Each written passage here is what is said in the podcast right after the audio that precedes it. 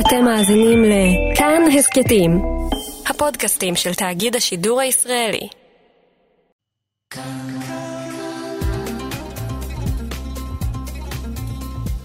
כאן תרבות. מוזיקה, בכאן תרבות. האמת, נשמע טוב. כאן תרבות.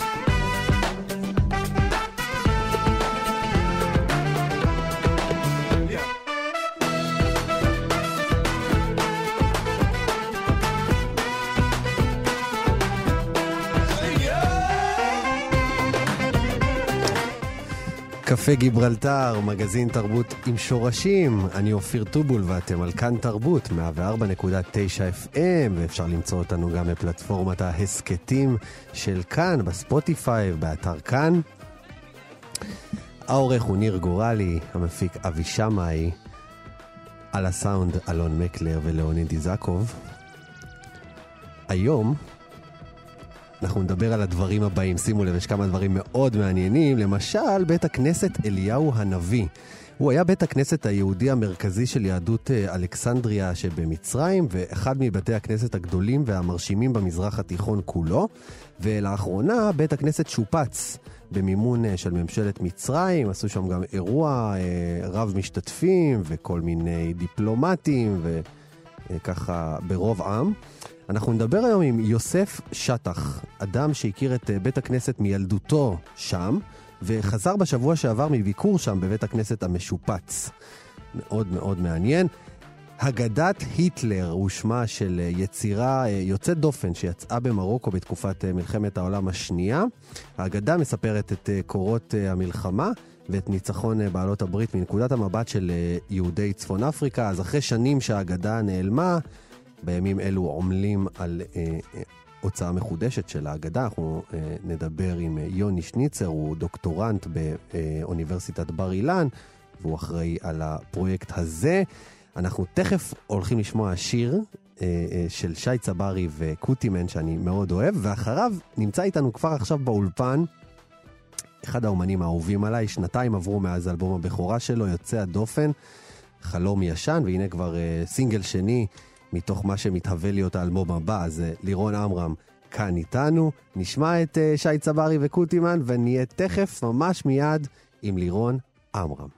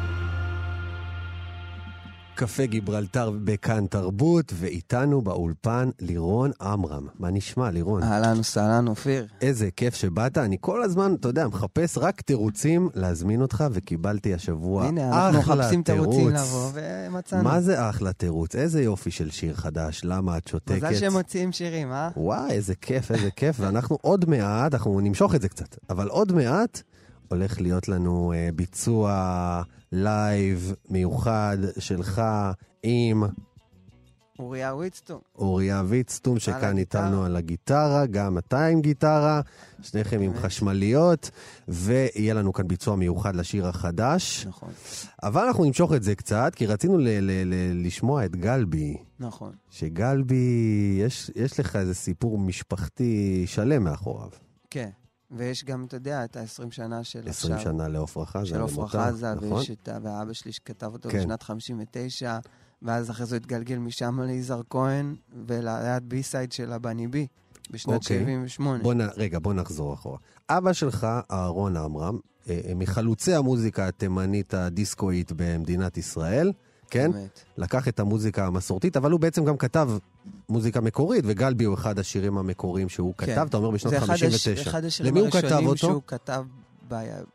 זה שיר שהוא שר. הוא- כן, לעצמו. הקלט, זה הקלטה שלו, ההקלטה הראשונה שקיימת של גלבי זה שלו. אוקיי, אוקיי. ומילים ולחן שלו, הוא כתב אותם בגיל 19 אולי, מה אתה אומר? כזה.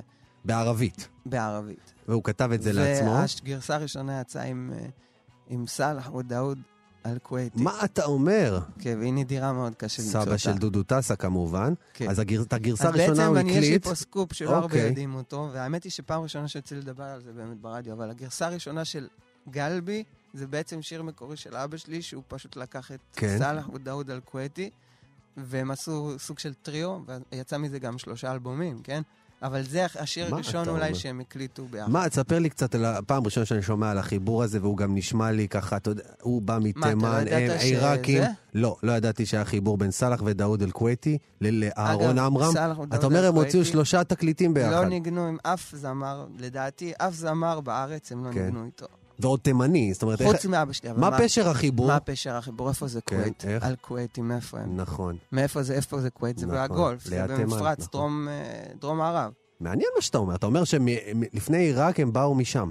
כן, לכן לכווית. קוראים להם כוויתים. אוקיי. הם עיראקים, הם גדלו בעיראק, אבל הם באו מכווית, והמוזיקה שכנראה שהם גדלו עליה ב- בבית וביותר כאילו אחורה, זה המוזיקה חליג'. זה- כן, והיא של מאוד קרובה המפרץ. לת- לתימנית יותר מלמוזיקה של אוקיי, ואז הם-. הם- הם חזרו לשורשים שלהם בעצם. שמעו אותו, הם שמעו אותו, תקשיב, זה סיפור אמיתי. הם שמעו אותו, הם אמרו, יאללה, בואו ניכנס לאולפן. זה כזה, כאילו, זה הדבר היחיד שכאילו עניין מדהים. אותם ואתגר אותם בכל המוזיקה הערבית שהייתה ב, במרחב הישראלי. והיה מלא זמרים ששרו בערבית, ואת הסגנונות שהם יותר מכירים.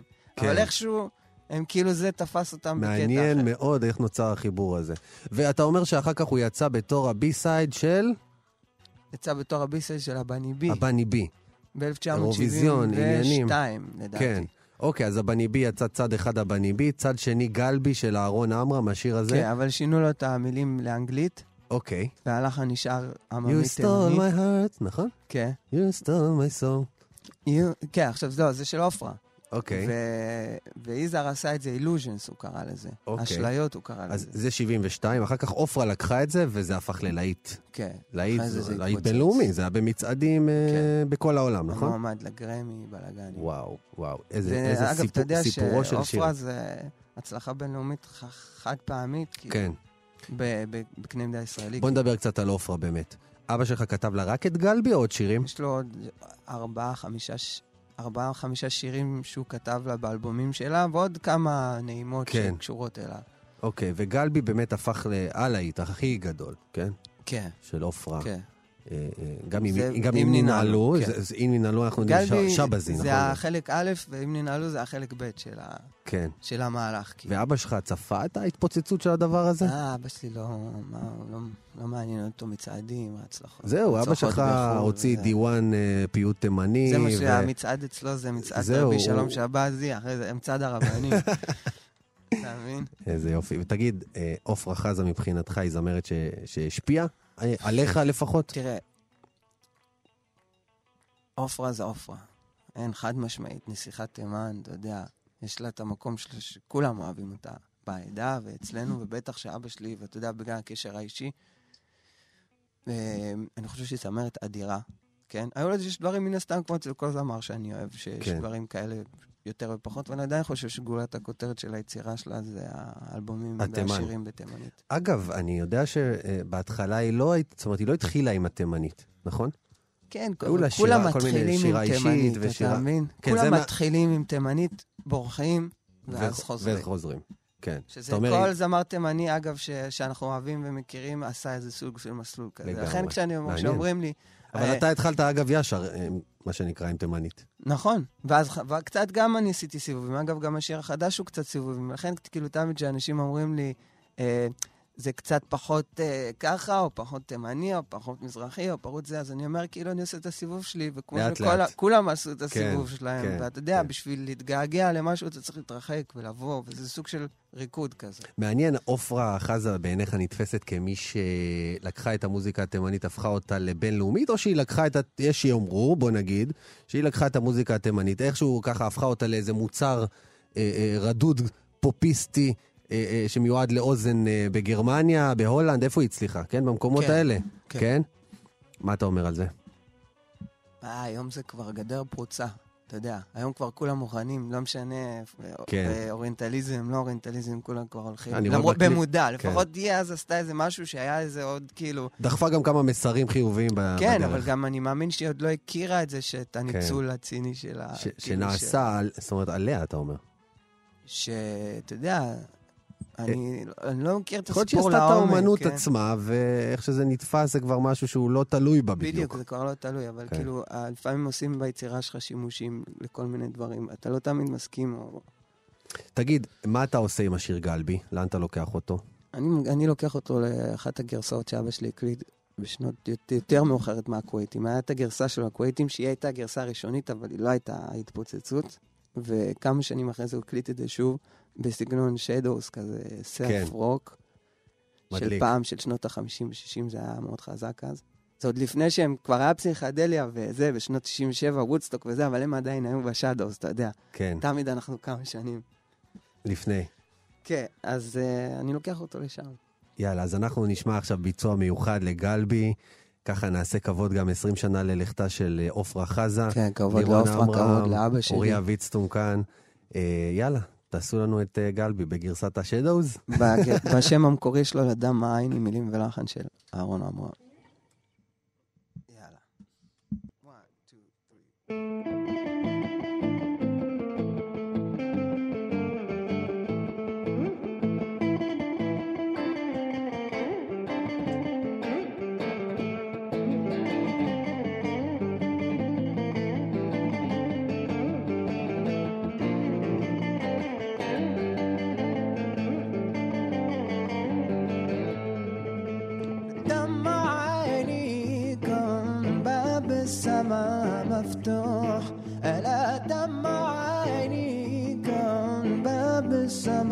مفتوح إلى سير من ذا الهوى وأنا صغير مظلوم. يا ربي ارحم وداوي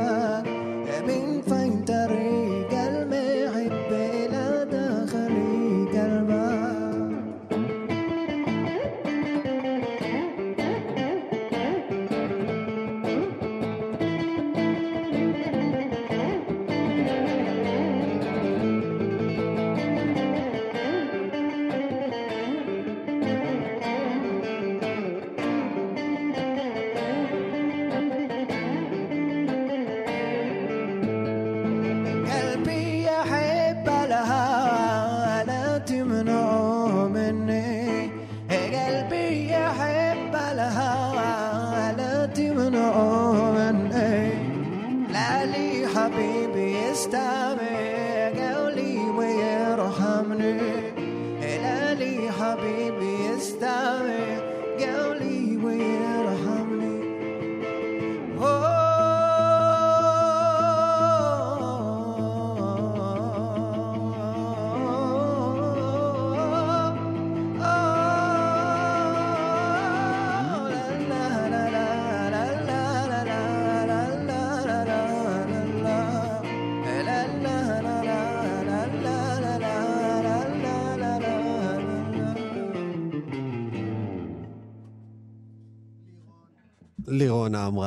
כאן בקפה גיברלטר, איזה יופי, איזה כיף, איזה, רק שתי גיטרות וכבר, זה, וכבר הבאתם כאילו איזה סיי על ה- לשיר, על ה-. כן. זה ממש קלאסיקה, קלאסיקה כן, השיר הזה. לגמרי. מדהים, מדהים, מדהים. טוב, טוב, למה את שותקת? זה אה, סינגל אה, חדש, רכבת הרים מוזיקלית רגשית, קראתם לו. באמת, באמת, באמת חזק. אתה פותח את השיר וישר זה מתחיל, זה, זה קצב מאוד מאוד מהיר ו, וסופר אה, מגניב. אנחנו הולכים לשמוע עוד מעט אה, ביצוע, ביצוע גם כן מיוחד, גם בסגנון השדוז. אמ, הפעם זה יהיה יותר... האמת שזה, ניקח את זה גם למקום הפשוט, אבל... כן? משהו, לא, לא, בוא נגיד שזה קצת שונה מהביצוע המוקלט. תסביר לי מה אתה מתכוון, מקום פשוט, כי אני אגיד לך למה. אתה לא רק כותב ומלחין שירים, אתה גם מפיק אותם, נכון? כן. אתה, יש לך אה, אמירה מאוד מאוד אה, מקורית ומעניינת בקשר לאיך אתה מפיק גם את השיר, זה לא רק מסתכם בשיר, כן. אבל כשאתה כותב את השיר, אתה יושב בטח, אני מתאר לעצמי, ככה, עם גיטרה. כן. זאת אומרת, השיר יש לו גם איזה בסיס... אה, הכי פשוט בעולם, שהוא. אמור לעבוד גם בלי כל ההפקה. היפה וה... והמקורית, נכון? לגמרי. וזה מה שאני תמיד עושה. כשאני מגיע לסיטואציות של רדיו או מקומות קטנים, אז אני מנסה להביא קצת את מהאסנס המקורי של השיר. כן.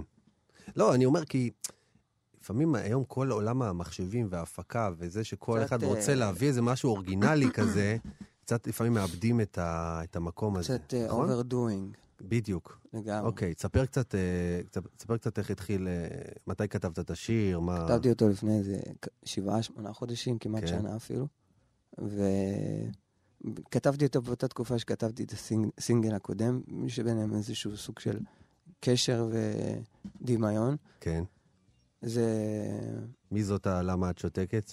נמצאת איתנו פה במקרה? במקרה. צריך להגיד, טוב, יכולים לראות אותה בווידאו קליפ. פותחים את גיא פינס, עוברים לגיא פינס עכשיו. ונספר שהמנהלת של לירון... מי שצריך לדעת היא גם, היא. גם, כן, כן, היא גם אה, בת זוגתו, והיא, אכן, אכן, היא שותקת הרבה, הרבה. אוקיי. אבל אה, באמת, אה, באמת, לקחת, לקחת שם הרבה, הרבה ז'אנרים וסגנונות. אה, כן, אתה יודע, ניסיתי גם לצאת קצת מהקופסה של שנות- עצמי, לצאת כן? מהקופסה של של מה מקובל ומה רצוי ומה מצפים ממך. ודי, אנחנו פה בשביל לעשות מה שאנחנו אוהבים ו- כן, ורוצים לעשות. ואני כבר לא במקום הזה של כל הזמן לנסות ל- לייצר נוסחאות של... אתה, של משהו. אתה כן מייצר נוסחאות, אבל אתה מפרק אותן ומשנה אותן כל הזמן, ככה אני כן, מרגיש אבל אני לפחות. כאילו, אני לא מנסה, אני לא מנסה ללכת על איזה תבנית מוכרת מראש, אתה מבין? אני לא, זה כן. פשוט לא, מוציא לי את הכיף מלעשות מוזיקה, ללכת למקומות שכאילו, שרגיל ללכת אליהם, ואני בדיוק. מנסה תמיד, כאילו, להביא את זה מזווית קצת אחרת. וגם הפעם ניסיתי, מקווה שזה... בהחלט זה שונה, עובד. זה אחר. אתה יודע, אמרו, אמרו עליך שאתה מבשר איזשהו גל במוזיקה המזרחית. כן, אני לא יודע, מזרחית, מזרחית, לא מזרחית? ברור שזה מזרחית. כן. אבל זה, זה מזרחי זה מזרחית, זה, ש... אלטרנטיבי. זה, שה... זה שמה שקורה בפועל לא מתיישר למה שאני עושה, זה לא אומר שאני לא מזרחית כן. או, לא, או לא עושה מזרחית, אתה מבין? כן. זה שאני עושה משהו, כאילו, לצורך העניין, זה כמו שפרינס בא, נפל באמצע שנות ה-80, התחיל לעשות אה, רוק, כן. אה, אמרו לו, זה לא דיסקו, מוזיקה שחורה. דיסקו, לא, אף אחד לא אמר לו זה לא מוזיקה שחורה. כי היה, הם היו פתוחים לקבל כן, אה, מגוון כן. של השפעות, אבל... וגם ברור שזה מוזיקה שחורה. תשמע, זה ברור, DNA של ברור. מוזיקה שחורה, וגם ה-DNA של המוזיקה שלי הוא אותו DNA. מעניין, ההשוואה הזאת ממש מעניינת. אה, הייתי אומר שאתה מרחיב את גבולות הז'אנר. לוקח את. הז'אנר ומביא כל מיני... כאילו, ההתפתחות של הז'אנר היא כן מושפעת מהעבר, אי אפשר להגיד שלא. אני שומע היום את איתי לוי, זה מזכיר לי אני את חיים משה. שאלה כזאת, אני כן. אשאל אותך שאלה כזאת. מי מזכיר יותר את חיים משה? הזמרים של- ששרים היום ברדיו ו- ושוברים את אמפי שוני ואת כל הזה, כן. או או אני. גם שאני- וגם. אני אגיד לך באמת עכשיו, כשאני שומע את, את איתי לוי, או את דודו אהרון, הם מזכירים, בהחלט, בטח, זה אותו תשמע, סגנון שירה, איתי אותה לוי זה הפקה, משהו אבל אחר. רגע, אני אגיד, לך, אני אגיד לך במה אתה שונה. אתה לוקח השפעות מההיסטוריה שלנו, ובכלל ההיסטוריה של הרוקנרול וגם של המוזיקה המזרחית, ש, שקצת נדחקו לצד. כלומר, ש... אין, המו- המוזיקה לא? המזרחית של שנות ה-80 ושל היום שונה במהות. כן. שונה בצורה משמעותית בעיניי.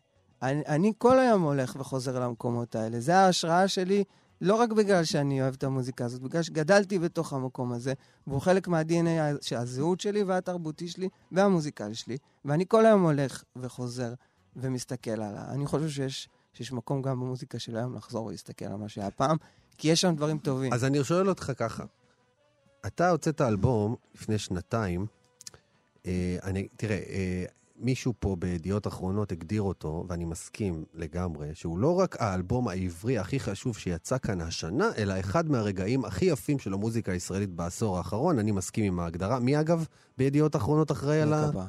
אתה לא זוכר. זה מופיע כאן, ככה, זה לא המצאתי. למרות שאני יכולתי לכתוב את המילים האלה. אבל תודה לו.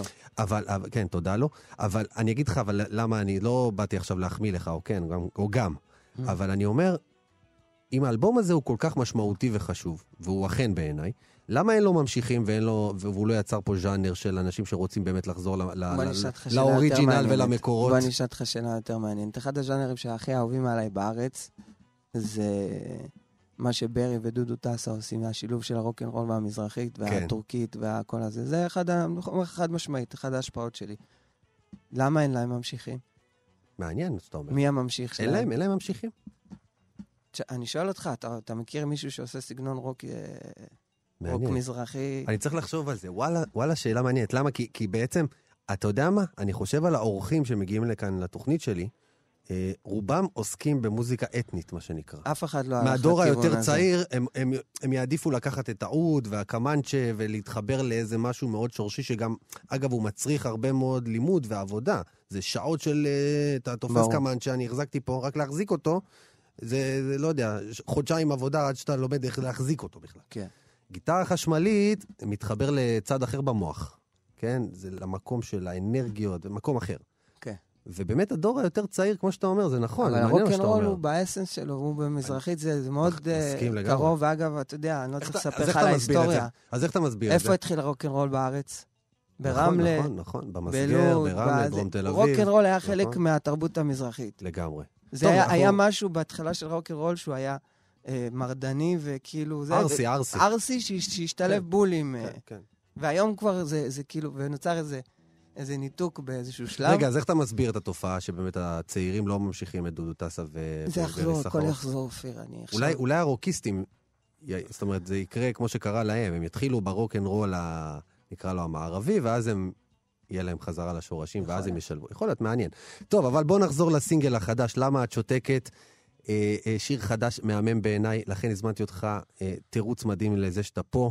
לירון עמרם, אחד האומנים באמת האהובים עליי ש, שפועלים היום בארץ. מביא, מביא משהו באמת, באמת, באמת, באמת מקורי, אבל מקורי בטעם טוב, יש הרבה שהם מקוריים, אבל אתה אומר, טוב, עוד, עוד פעם, עוד, כאילו, לירון עמרם, למה את שותקת? בואו נשמע ביצוע מיוחד וראשון אה, אה, לשיר החדש. בואו נצא לדרך. תודה. למה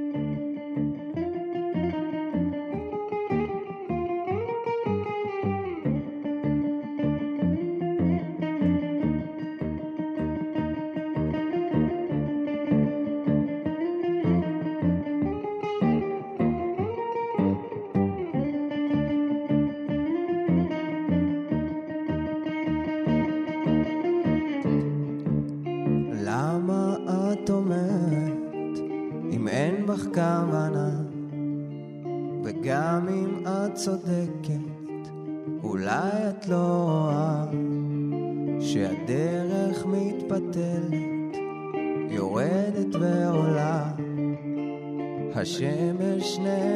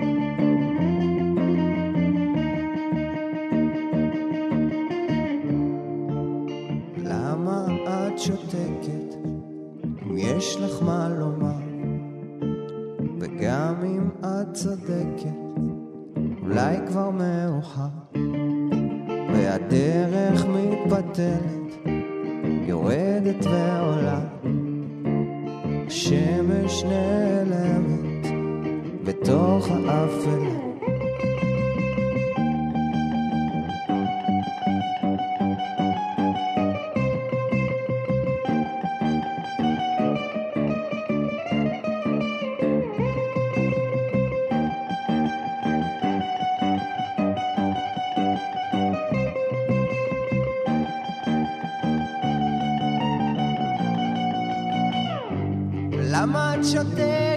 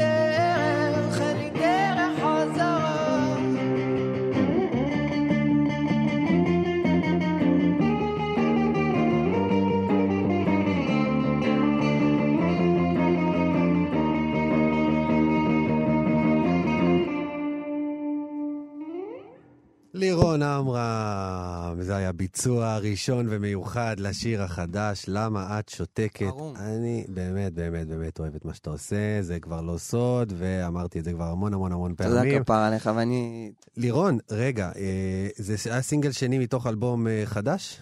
מה, מה, מה התוכניות? אני נראה. לא רוצה להלחיץ או משהו. בוא אבל- נראה, אני כאילו אמרתי בוא נוציא את השירים אחד-אחד, ועכשיו אני ממשיך את העבודה על הדברים הבאים, obviously. העבודה, אתה יודע, לא נפסקת. יש לך עוד כל מיני שיתופי פעולה והפקות לגמרי, יש לאחרים. מלא דברים על הקנה, כן. והעבודה אף פעם לא... אתה לא נח. לא נח, וגם זה לא נפסק לעולם. מוזיקה כאילו צריכה לצאת, והיא יוצאת ממך, וזה לא עניין של מתי נכון, מתי צריך, זה חלק מהעניין של תהליך היצירה של האמן, זה הכיף שלו, זה העבודה שלו. וזו ההזדמנות גם לבוא לראות איזה חברים. כיף, איזה כיף. תודה רבה, תודה רבה. שבאת. תודה רבה, לירון עמרם. ותישארו איתנו, כי אנחנו תכף אה, נדבר כאן עם אדם מאוד מיוחד בשם יוסף שטח, שגדל במצרים, באלכסנדריה, אה, ו, והיה לה בשבוע שעבר בבית הכנסת היהודי החדש, המשופץ, סליחה, בית כנסת אה, אליהו הנביא. הוא באמת, בעצם בית הכנסת היהודי המרכזי של יהדות אלכסנדריה, ונחשב לאחד מבתי הכנסת הגדולים והמרשימים ביותר במזרח התיכון. אז האם הוא איתנו על הקו, יוסף שטח? כן, ערב טוב. שלום לך, מה שלומך? תודה, בסדר גמור. אז ספר לנו, שבת בשבוע שעבר מביקור שאתה אומר שהוא מרגש, מרתק, מטלטל באלכסנדריה, במצרים, לכבוד, כן. לכבוד שיפוץ אה, בית הכנסת החדש שם? זה חנוכת... אה, כלומר, שיקום חנוכת שיפוץ בית הכנסת. המחודש. המחודש ששופץ על ידי המצרים, וזאת היה, הייתה חוויה מיוחדת, אה, היו איזה 150 איש מצרפת ומאנגליה, אה, מכאן קבוצה קטנה, אה, פשוט אה, אני אה, הייתי שם עד גיל עשר, ומאוד הסתקרנתי, אם אני זוכר נכון את בית הכנסת, אם הזיכרון שלי הוא נכון. והסתבר שהזיכרון לא הטעה אותי, באמת זה בית כנסת יפה, עם אה, יהדות יפה, ומפוארת. התפללת שם כילד עד, עד גיל עשר? אתה יודע, יש... כן, כל שבת. כל שבת היית מתפלל שם, ואתה יודע, יצא לי לאחרונה לחזור לבקר בבית הספר היסודי שבו אה, אה, למדתי, ושמתי לב לאיזה עץ שהייתי בטוח כילד שהוא היה עצום, הייתי קופץ עליו, ו... ועכשיו הוא מגיע לי למותניים. אז לא, היה, לא, זה לא. קרה, קרה לך פתאום שבית לא, הכנסת לא, היה לא, קטן לא, מדי? לא? לא, לא, זה היה באמת בית הכנסת שאותו זכרתי כמו שצריך. וגם אה, השמות, היה השם של אבא שלי שם. כן? ה... כן, וזה היה מרגש, ופגשתי אנשים אה, שהתפללנו יחד באותה תקופה בגילים שהם עדיין, שהם עדיין חיים במצרים? לא, לא, לא, יהודים כבר אין במצרים. Okay. זה אוקיי. חיים בצרפת או באנגליה. אוקיי. ונפגשתי איתם, ומה שהיה מרתק לראות זה שכולנו זכרנו את, בית הכנסת ואת השפה הערבית וכך הלאה, המצרית, וכל אחד היה טיפוס אחר. השוויצרי היה משוויץ, סליחה, התנהג כמו שוויצרי, זה שנסע לאנגליה מתנהג כמו אנגלי ונראה כמו אנגלי, וזה שהיה מפריס אה, אה, שאבא שלו היה מנתח בבית החולים היהודי במקום, גם כן נראה צרפתי.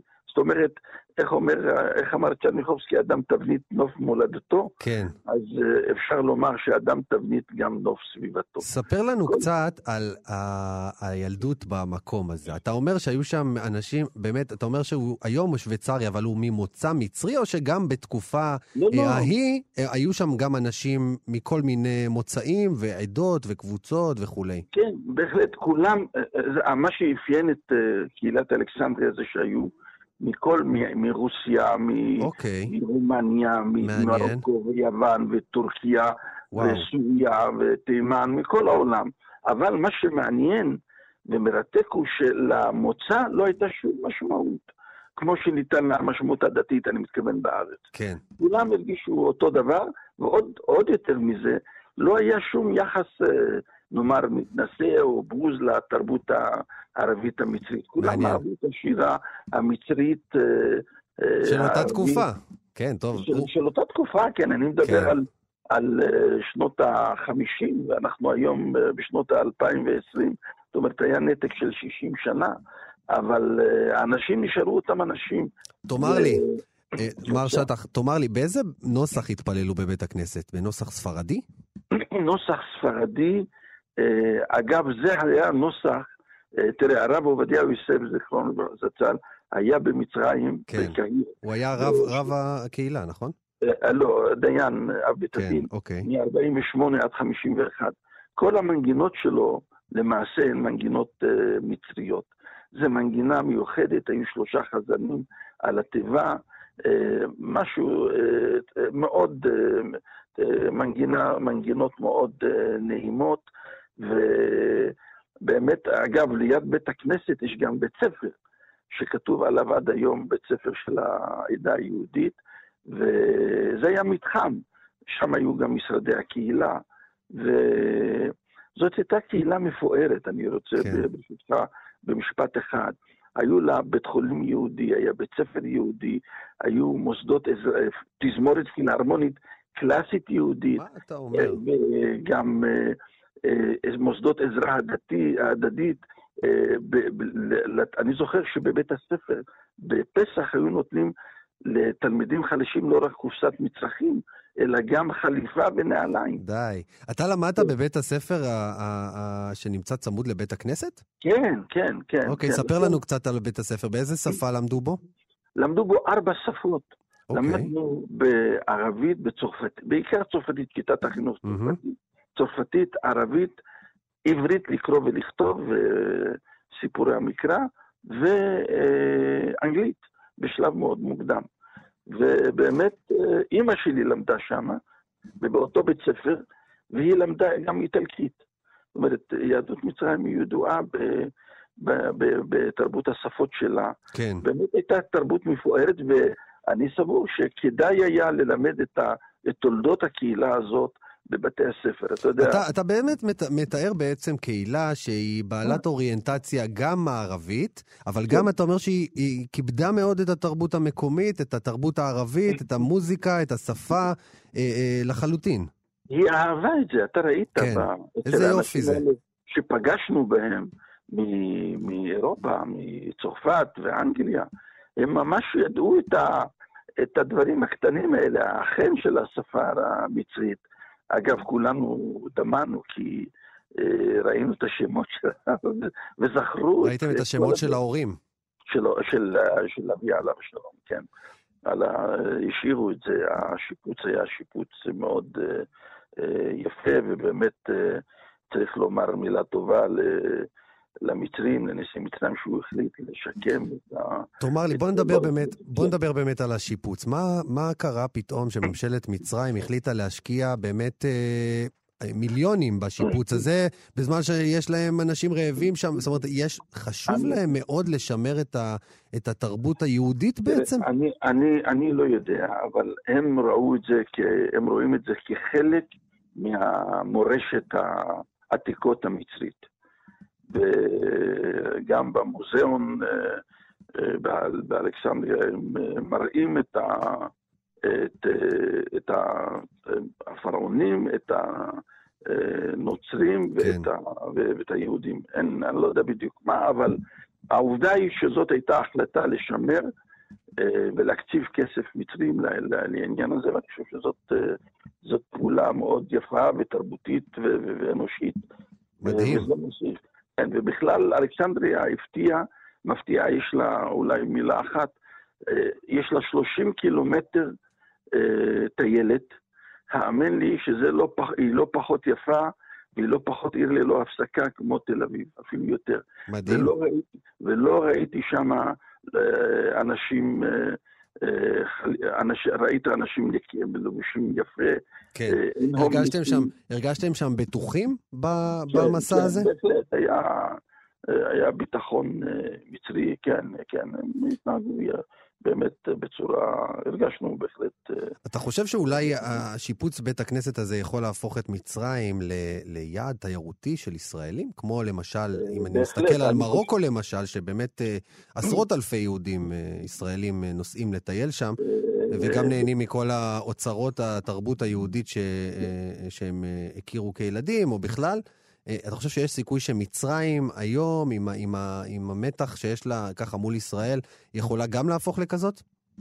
תראה, אני חושב שאלכסנדריה בהחלט יכולה להיות יעד תיירותי, והיא יכולה להיות כלולה בתוכניות הטיולים של, שיוצאים מהארץ, ויש שם גם ספרייה גדולה מאוד, מיוחדת במינה.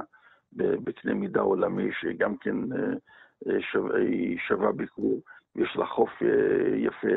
אני חושב שאפשר. תראה, לגבי, צריך לדעת, אה, צריך להתייחס ל, ל, לכל מדינה, יש לה כללים מתרבות שונה.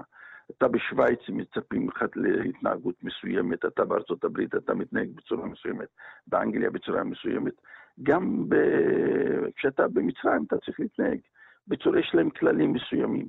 זה לא תמיד נובע מזה שבגלל שאתה ישראלי או לא ישראלי. כן. זה, יש לכל ארץ הטבע שלה. כן. תאמר לי, מר, כן. מר שטח, תאמר לי, אה, בית הכנסת הולך אה, לפעול ב- כבית כנסת לא, או רק לא, כמוזיאון לא, בעצם? לא, לא, הוא לא פועל כי אין יהודים בכלל. זה כן. כל, זה, זה כל מה שמעניין. יש שם ספר תורה דרך אגב? יש ספרי תורה, כולם... אה, יש כמה. כן, ממוספרים. אוקיי. כי זה חלק מה... שהם, ו... שהם שם, זאת אומרת, הם נמצאים שם אה, מימים ימימה? כאילו, זה כן, הספרים כן, המקוריים כן, של בית הכנסת? הם שייכים לבית הכנסת, כן, כן.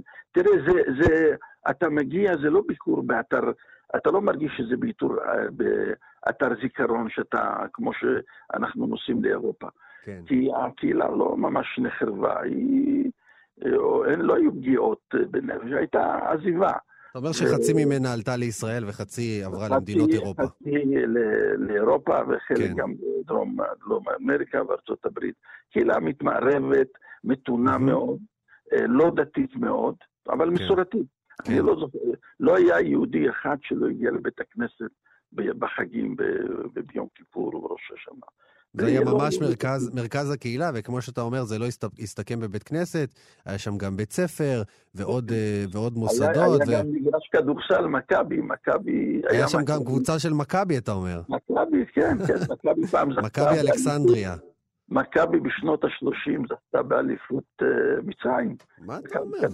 כן. טוב, תשמע, uh, אני חושב שמי שיושב שם בוועדת ביטון או בכל משרד החינוך, צריך להכניס את ההיסטוריה הזאת של יהדות מצרים, שהיא קהילה באמת ייחודית, גם בגלל שאתה אומר, אה, אה, היא הכילה בתוכה יהודים מכל העולם שהגיעו למצרים באותם שנים, וגם כי יש לה באמת מסר, מסר להגיד, גם בהיבט הזה של אה, חיבור בין דתיים חילונים, ואחווה, ואחדות, וערבות הדדית שהייתה שם. למה לא מלמדים אותנו את הדברים האלה? אני... אני, אני יותר מזה... אולי לך יש את התשובה. אני אגיד לך, תראה, את התשובה אני לא יודע, אבל אני אומר לך מה צריך להיות. אני, יש, אני עכשיו לוקח יום, יום שלם כסטודנט, אני גמלאי, בעין צורים יש מדרשה, מרכז יעקב הרצוג, מלמדים באופן אקדמי על יהדות מצרים בעת העתיקה ובעת ה... בימי הביניים וכך הלאה. יש חומר בלתי רגיל, מרתק, גם מבחינה אה, דתית, גם מבחינה היסטורית, כן. על, על, אה, על יהדות אה, מצרים. הגניזה למשל, שאגב השיפוץ הוא גם שיפוץ של בתי עלמין ושל בתי כנסת בקהיר. ושם יש את הגניזה, שהיא אה, חומר שיש בה... גניזת קהיר כמובן. גניזת קהיר בקנה מידה כן. עולמי. משם למדו גם על מסעי הצלב, משם כמובן על אה, הרמב"ם, יהודה, יהודה לוי וכל אה, דברים שעדיין נחקרים. אני מסכים איתך במאה אחוז שאפשר בהחלט ללמד לא רק את הקהילה הזאת, גם קהילות אחרות, על, אה, שיש להם הרבה חומר בבתי הספר, זה גם טוב לא רק לספרדים, זה טוב לאשכנזים. אנחנו עם אחד, ואין מושג של ספרדים אשכנזים, צריך להיות מושג של... אני מאוד מודה לך, יוסף שטח. דיברנו, דיברנו על הקהילה היהודית באלכסנדריה ועל בית הכנסת המחודש עכשיו, שם, שווה, שווה לנסוע למצרים רק כדי לראות את בית הכנסת הזה. אה, תודה רבה לך. שלום, שלום.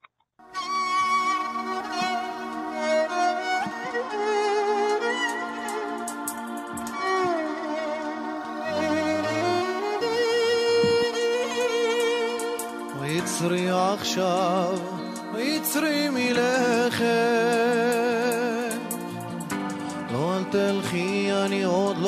מוכן להתעורר כשאת אינך לידי, עכשיו זה שלכת. וזה תמיד דומה ואני לאן אלך. יצרי עכשיו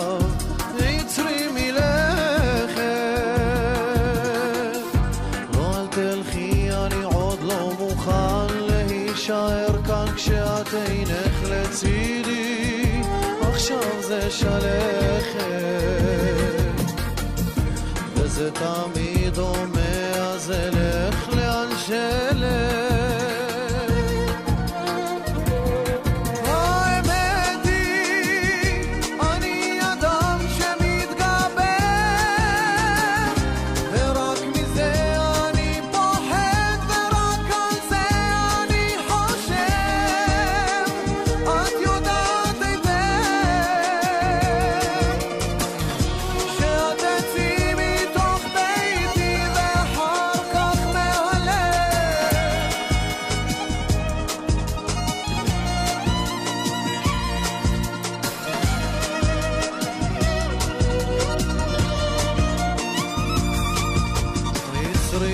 yaşa.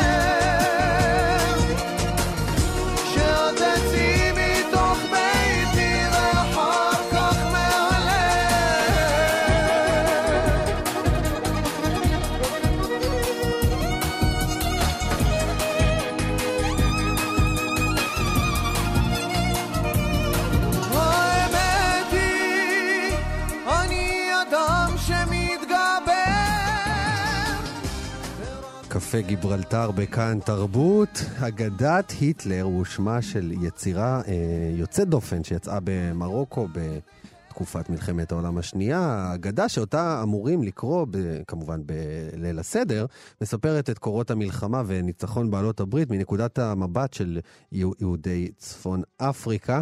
אז אחרי אה, שנים שהאגדה נעלמה וככה כמה אספנים אולי אה, ידעו על קיומה, בימים אלו עמלים uh, על הצ... ההוצאה המחודשת שלה, ונמצא איתנו כאן יוני שניצר, שהוא סופר ודוקטורנט באוניברסיטת בר אילן, שעומד מאחורי הפרויקט. מה נשמע, יוני? אהלן, מה העניינים? אז מה הוביל אותך אה, להתעסק דווקא עם הטקסט הזה. עם הטקסט הזה, אוקיי. אז קודם כל, אז במחקר שלי אני מתעסק עם כתבי יד קבליים מימי הביניים, שזה על פניו לא קשור אוקיי, בכלל. אוקיי, לא קשור בעליל. אבל כמו במחקר מגיעים להכל. זה לא מימי הביניים וזה לא קבלי. לא, אבל המקובל אוקיי. שאני חוקר, אוקיי. יוסף בן שלום אשכנזי, השפיע רבות, מאה ה-13 השפיע רבות על יהדות צפון אפריקה, בפרט הגות קבלית. אוקיי. ופה התחלתי להתעניין ביהדות צפון אפריקה ובהגות. לא מפליא לשמוע שאתה פתאום קולט שיש מעין חור שחור, ואקום, גם מחקרית וגם מה שאנחנו יודעים, על כל מה שקשור ל, ל, ל, למחשבות, להיסטוריה, להגות הזאת. כן. התחלתי לחקור, הגעתי, אתה יודע, כשאתה רואה טייטל של חיבור בשם אגדת היטלר, אתה, אתה עוצר רגע לראות מה זה. Uh, אני גם בתור, זאת אומרת, אתה יודע, המשפחה שלי, שגם הסבא, הסבים היו בשואה, אמנם באירופה, בגליציה, uh, עניין אותי מה זה הדבר הזה שקוראים לו הגדת היטלר. אני קולט שיהודי ממרוקו עושה דבר שבעצם חז"ל מבקשים בכל דור ודור שאני ואתה נעשה. נראה את עצמנו כאילו יצאנו ממצרים. כן. הוא עושה משהו מבריק. מה שמו, אגב? אנחנו לא יודעים. אוקיי. כתוב על ההגדה ניסים בן שמעון, חוקרים, דוקטור אבישי בר אשר ניסה לאתר מי לא זה הבן אדם. לא מצאו את האדם, יכול להיות כנראה... שזה שם עט. זה מעניין. כנראה שם עט, אוקיי. אנונימי, אם מישהו פה קשור למשפחה, אם. מישהו מכיר את האדם, שבטח כמובן כבר הלך לעולמו, כן. מקווה שבמאה ועשרים, כן. אה, אה, אוקיי, תמשיך. אז, אז הוא, הוא לוקח בעצם את מבנה ההגדה הקלאסי, את חלק המגיד, החלק שמספר את הסיפור אחרי כן. הברכות, לפני ברכת המזון, והוא יוצק לתוכו סיפור מרתק של מלחמת העולם השנייה, תלאות היהודים בשואה, וניצחון בעלות הברית, והכל מזווית ראייה, כמו שאמרת, של יהודים מצפון אפריקה. עכשיו, מה שהוא מייצר בסוף זה טקסט שהוא מן הסתם דרמטי, החומר כאן הוא דרמטי, כן, הוא מדבר על... הוא לא יודע עדיין, הוא יודע שיש מחנות השמדה, הוא לא יודע מה קורה שם, mm-hmm. אבל הוא מתאר את, אה, כן, רבי יוסי הגלילי הופך לרבי יוסף סטלין. אה, הפעם, יש גם פנים קומיים, הפעם הבצק שלו החמיץ, זה לא כן. של היהודים, זה של החיילים האיטלקיים.